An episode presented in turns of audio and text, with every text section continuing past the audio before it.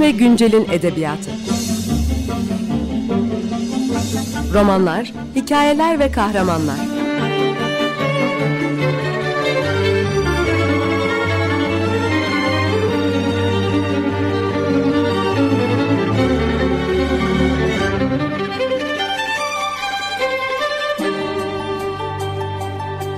Hazırlayan ve sunan Seval Şahin.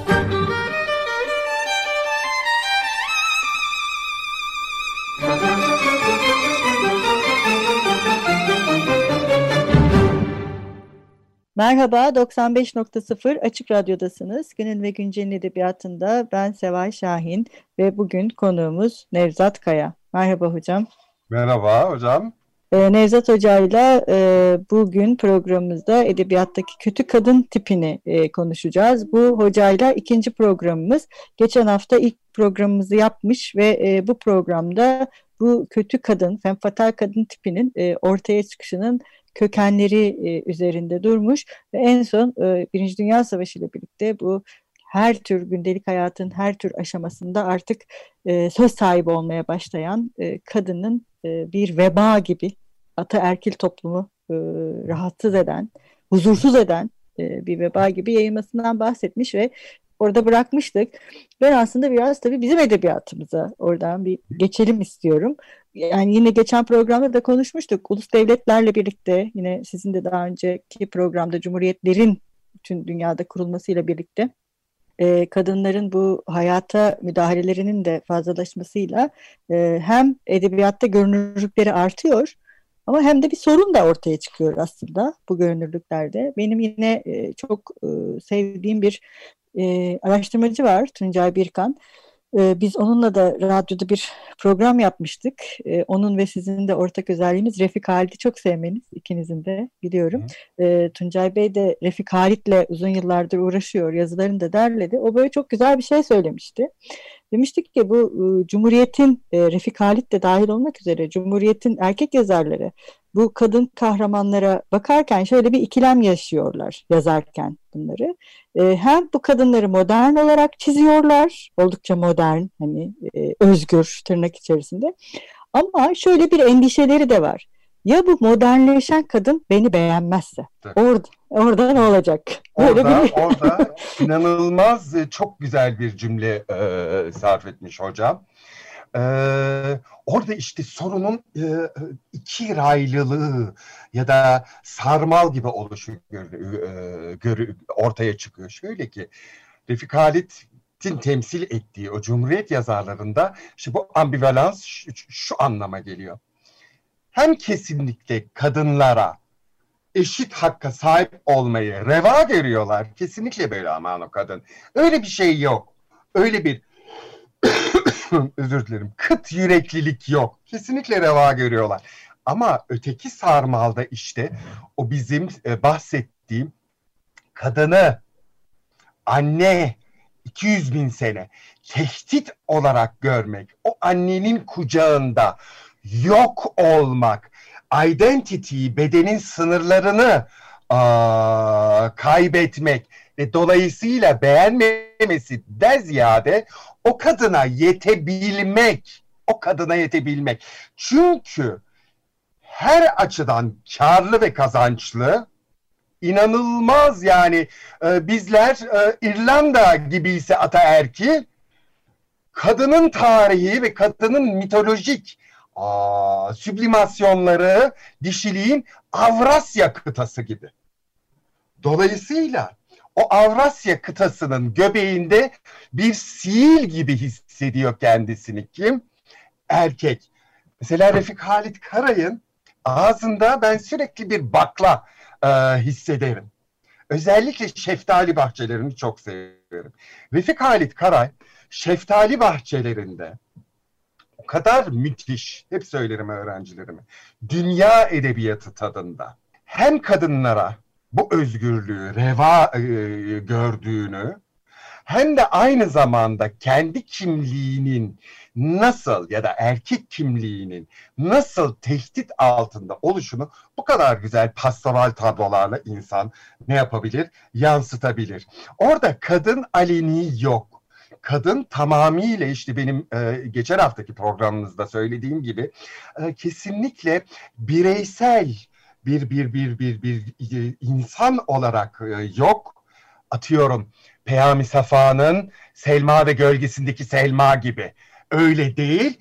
Son derece doğaya pastoral tablolarla, olumlu tablolarla yedirilmiş. O nehirin orası adeta bir bir bir devasa cennet, devasa bir rahim ve herkes oraya sürekli yıkanmaya gidiyor. O kadar güzel bir biçimde işsizler takım takım iniyorlardı bahçelere. O kadar güzel bir biçimde ata erkinin çalışmak zorundasınız, didinmek zorundasınız. Düsturu aa, burada tersine çevriliyor ki sürekli oraya yeniden doğmaya gidiyor adeta kimler hiçbir surette teolojik bir teleolojik bir biçimde hedefe yönelik davranmayanlar kendilerini mitin döngüselliğine bırakmışlar. Mesela Peyami Safa'da da bu çok önemli bir e, sorundur. 9. Hariciye Koğuşu'nda e, Fan Fatal'ın aleni varlığını görmüyoruz. Görünmez bir varlık söz konusu. Bu görünmez varlığı nasıl ifşa oluyor e, semiyolojik olarak romanda? Kahramanın bir türlü iyileşmeyen hastalığında, özellikle ayaklarında e, hep e, kemik romatizması var deniliyor. Bilmem nesi var deniliyor. Zaten babası yok. Anlatabildim mi? E, şimdi ayakları özellikle dizleri çok fena. Bakınız bu bizi doğrudan nereye götürüyor biliyor musunuz? Ödipus şiş ayak demek. Yani bizim Peyami Safa'nın e, 9. Hariciye koğuşundaki kahraman da aslında neyin geri dönüşü? Topal Ödipus'un dönüşü. O başka bir kadınla kesinlikle ne yapamıyor? Bir ilişki kuramıyor. Mobil değil, mobil değil. Logosantrik, kahraman e, erkeğin olması gerektiği gibi anneden uzaklaşma bağlamında, dünyayı fethetme bağlamında o mobilitesinden son derece son derece yoksun. Başka bir çarpıcı örnek Sebahattin Ali'nin kürk mantolu Madonna'sı. Orası çok çarpıcı. Bakınız bu bütün bu ulus devletleşme, e, cumhuriyetler, kadının güçlenmesi. Bir baba oğlunu e, sabun tozu fabrikası sahibi bu baba Berlin'e gönderiyor ki işte o yeni teknolojileri Alman teknoloji üstünlüğünü daha o zaman e, öğrensin, bütün bilgileri kapsın, gelsin bir hayırlı erkek evlat gibi bir hayırlı oğul gibi bu e, fabrikanın başına geçsin işte iş adamı olsun zengin olsun bla bla. Çok ilginç. İstanbul'dan Almanya'ya gönderiliyor oğul. Almanya'da oğul Kürk mantolu bir Madonna tarafından işe yaramaz hale getiriliyor. Murdar ediliyor. Yani normal tırnak içinde babasının oğlu Berlin'e gidiyor ki Berlin'de o zaman Wilhelm Almanyası çoktan yıkılmış. Berlin özellikle revüleriyle, varyeteleriyle Londra, Paris, New York es, es geçiniz dünyanın cinsiyet rolleri açısından en kaotik kara deliği adeta. Zaten Kürk mantolu Madonna'yı ilk gördüğünde merdivenlerde istasyonda. Orada çok dikkat çekici bir cümle var. Orada makyajlı delikanlıları gördükten sonra Kürk mantolu Madonna'yı görüyor. Kürk mantolu Madonna bu bağlamda Batı Edebiyatı tarihinde çok önemli bir şeye e, referans verir. Leopold von Sacher-Masoch'un Mazoşizminin isim babasının Avusturya Edebiyatı'na dairdir. E, Kürklü Venüs adlı romanındaki mazoşizm burada e, dillendirilir. Mazoşizm ne anlama geliyor? Bakınız e, cinsel patolojiler hep erkeğe yöneliktir. Ya aşırı derecede doğayı rasyonalize eder, sadizm ya da aşırı derecede kendisini e, kendisine hükmedilmesini ister. Mazoşizm. Her halükarda sadizmin hedefi de doğa, kadın. O efendilik mertebesi de kadına kalıyor değil mi? O kürklü ana tanrıça kesinlikle prehistorik avcı toplayıcı e, kadim fantazilere ne yapıyor? Referans veriyor. E sonunda e, Raif Bey bakınız İstanbul'dan babaların kentinden padişahın olduğu kentten bir zamanlar gidiyor Berlin'e orada Kürk mantolu Madonna tarafından hadım ediliyor. Evet bir kere hastalanıyor ve dikkat edin ne diyor Kürk mantolu Madonna ona? Senin annen olayım mı diyor. Dünyanın en garip aşk hikayesi bu. Yani ben hala çok mükemmel bir aşk romanı diye bu kadar okunduğunu inanmıyorum. Cinsiyet paradigmalar açısından inanılmaz e, e, gizil dinamikleri sahip olan bir eser e, Kürk Mantolu Madonna. Nereye dönüyor bizim e, Raif Bey? tabii ki Ankara'ya dönüyor. Cumhuriyet'in başkentine dönüyor. Cumhuriyet'in başkentinde nasıl bir hayat sürüyor Raif Bey? Kesinlikle hiç kimsenin takmadığı, hiç kimsenin ciddiye almadığı, damatların bile git alışveriş yap dediği aa, hiçbir surette görünür olmayan korkunç şekilde ne olmuş bir erkek klasik e, erkek cinsiyet rollerinden inanılmaz uzaklaşmış bir erkek. Dolayısıyla bizim Kürt mantolu Madonna'daki Raif Bey kimin kardeşi aslında? Aynen odasında da Kürt mantolu bir kadının, büyük bir olasılıkla kız arkadaşının resmi olan Kafka'nın Gregor Zamza'sı. Gregor Zamza da bir ailenin oğlu. Ama bir sabah garip rüyalardan uyandığında büyük bir olasılıkla işsiz takımıyla birlikte şeftali bahçelerine gitti uyandığında garip böceğe dönüşmüş olarak buluyor kendisini. Erkeğin yani eril diskur, söylem, zafiyete uğradığı zaman e, çarlar gitmiş, padişahlar gitmiş, imparatorlar gitmiş. Her yer cumhuriyet, cumhuriyet, cumhuriyet, cumhuriyet. Sadece kadın güç, güce kavuşup kötüleşmez, kötücül olmaz. Erkek de zavallılaşır ve böcekleşir. En çarpıcı e, erkek figürlerin başında da bizim edebiyatımızda mesela Yusuf Atılgan'ın Anayurt Oteli'ndeki Zebercet'tir. Zebercet de ve onun hikayesi de aslında bizim e, Kürt Mantolu Madonna'daki Raif Bey'in bir e, paralel hikayesidir. Bir yorumu, e, yorumudur adeta. Hocam bu çok güzel bir e, tespit. Yine kısa bir ara verelim ve buradan devam edelim. E, geçen hafta Sezen Aksu çalmıştık. Bu haftada Zuhal Olcay'a karar vermiştik. Evet. Evet. Bu haftada Zuhal Olcay dinliyoruz. Merhaba, 95.0 Açık Radyo'dasınız. Günün ve Güncel'in edebiyatında ben Seval Şahin ve konuğum Nevzat Kaya ile birlikte e, edebiyatın kötü kadınlarını konuşmaya devam ediyoruz bu programda da ve e, hoca en son e, Raif Efendi ile Zebercet arasında şahane bir bağlantı kurmuştu. Biz müzik arası vermeden önce. Buradan devam edelim isterseniz. Evet. Evet ben e, Yusuf Atılgan'ın e, Anayurt Oteli de aynen böyle Raif Bey'in hikayesi gibi asılacak kadın aman Aile Türk mantolu, şey, Madonna Türk mantolu Madonna pardon. Asılacak kadın nereden çıktı Pınar Kür'ün e, romanı. Onunla çok büyük paralellikler görürüm. Yusuf Atılgan'ın romanı tabii ki çok çok daha fabelden yoksun. Ee, Sebahattin Ali'nin Türk Mantolu Madonna'sından daha modern bu açıdan. Çünkü e, tek bir kahramanın sanrıları, bütün gün mekanik bir biçimde kurulmuş saat gibi hayatı hep aynı gidişata sahip. O kadar absürt ki bu romanda da aslında hiçbir kötü kadın yok.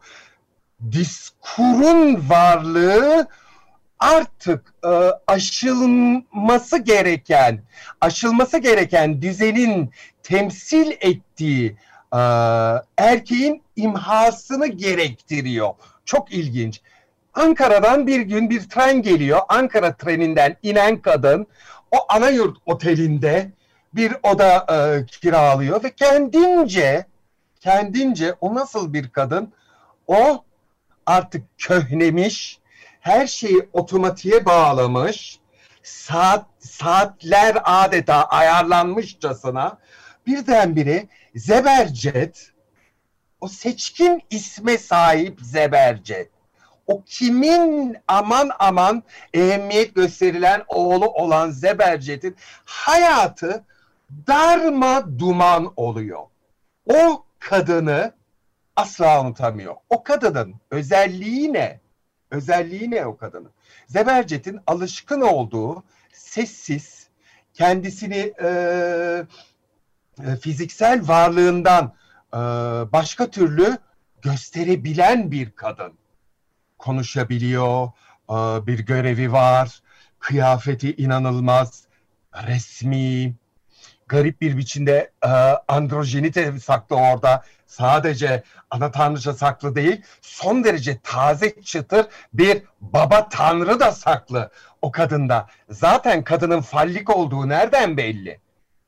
Trenle geliyor Ankara'dan. Şimendiferle geliyor Ankara'dan. Bakınız Ankara'dan gelen ve yeni haklarının ne olduğunun gayet ayırdında olan Cumhuriyet kadını eskiyi temsil eden erkekten tırnak içinde daha fallik. Bu kesinlikle kesinlikle Zebercet'in varlığını gereksiz kılıyor. Zebercet büyük bir trajediden ötürü işte işin en korkuncu da burada, burada saklı.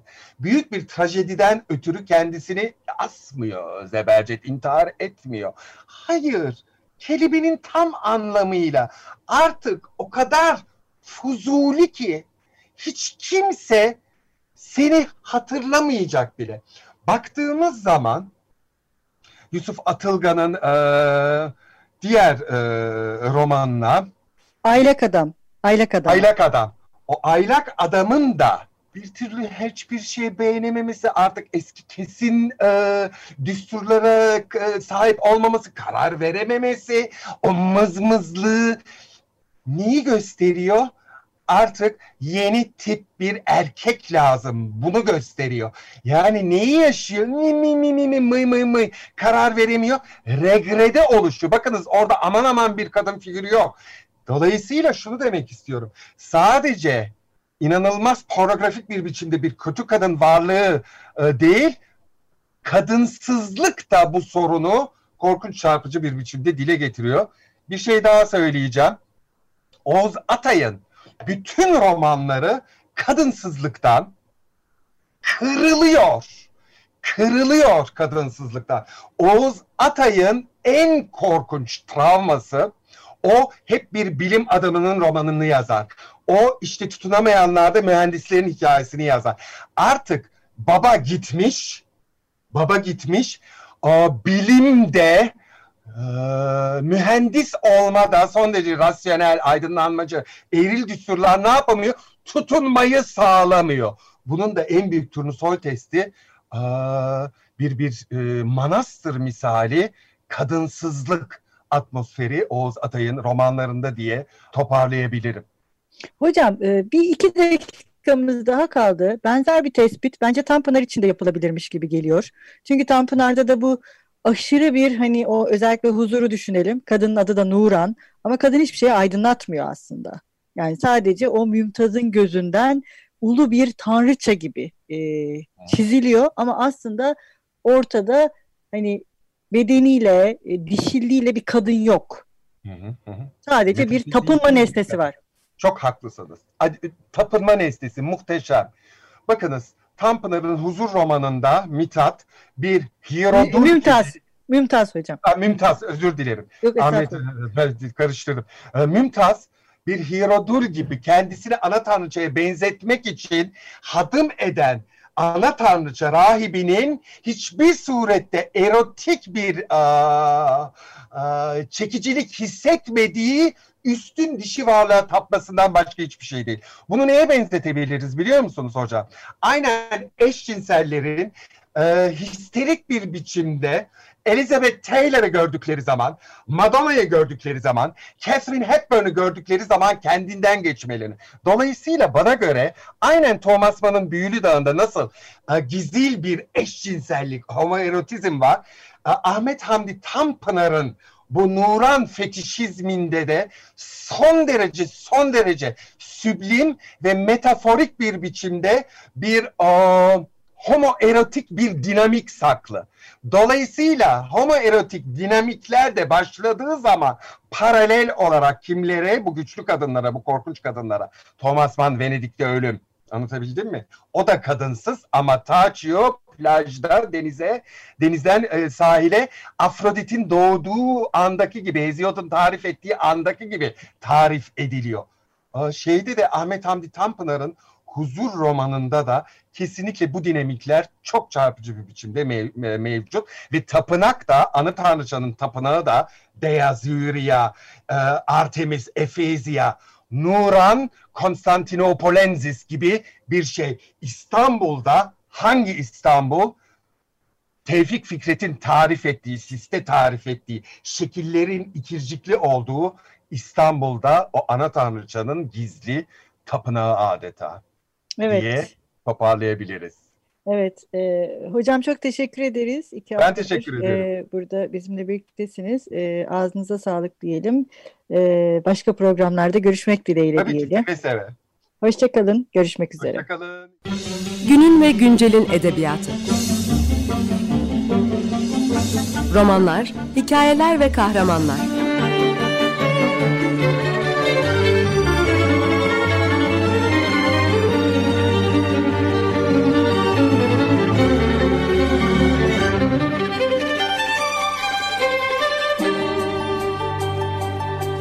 Hazırlayan ve sunan Seval Şahin.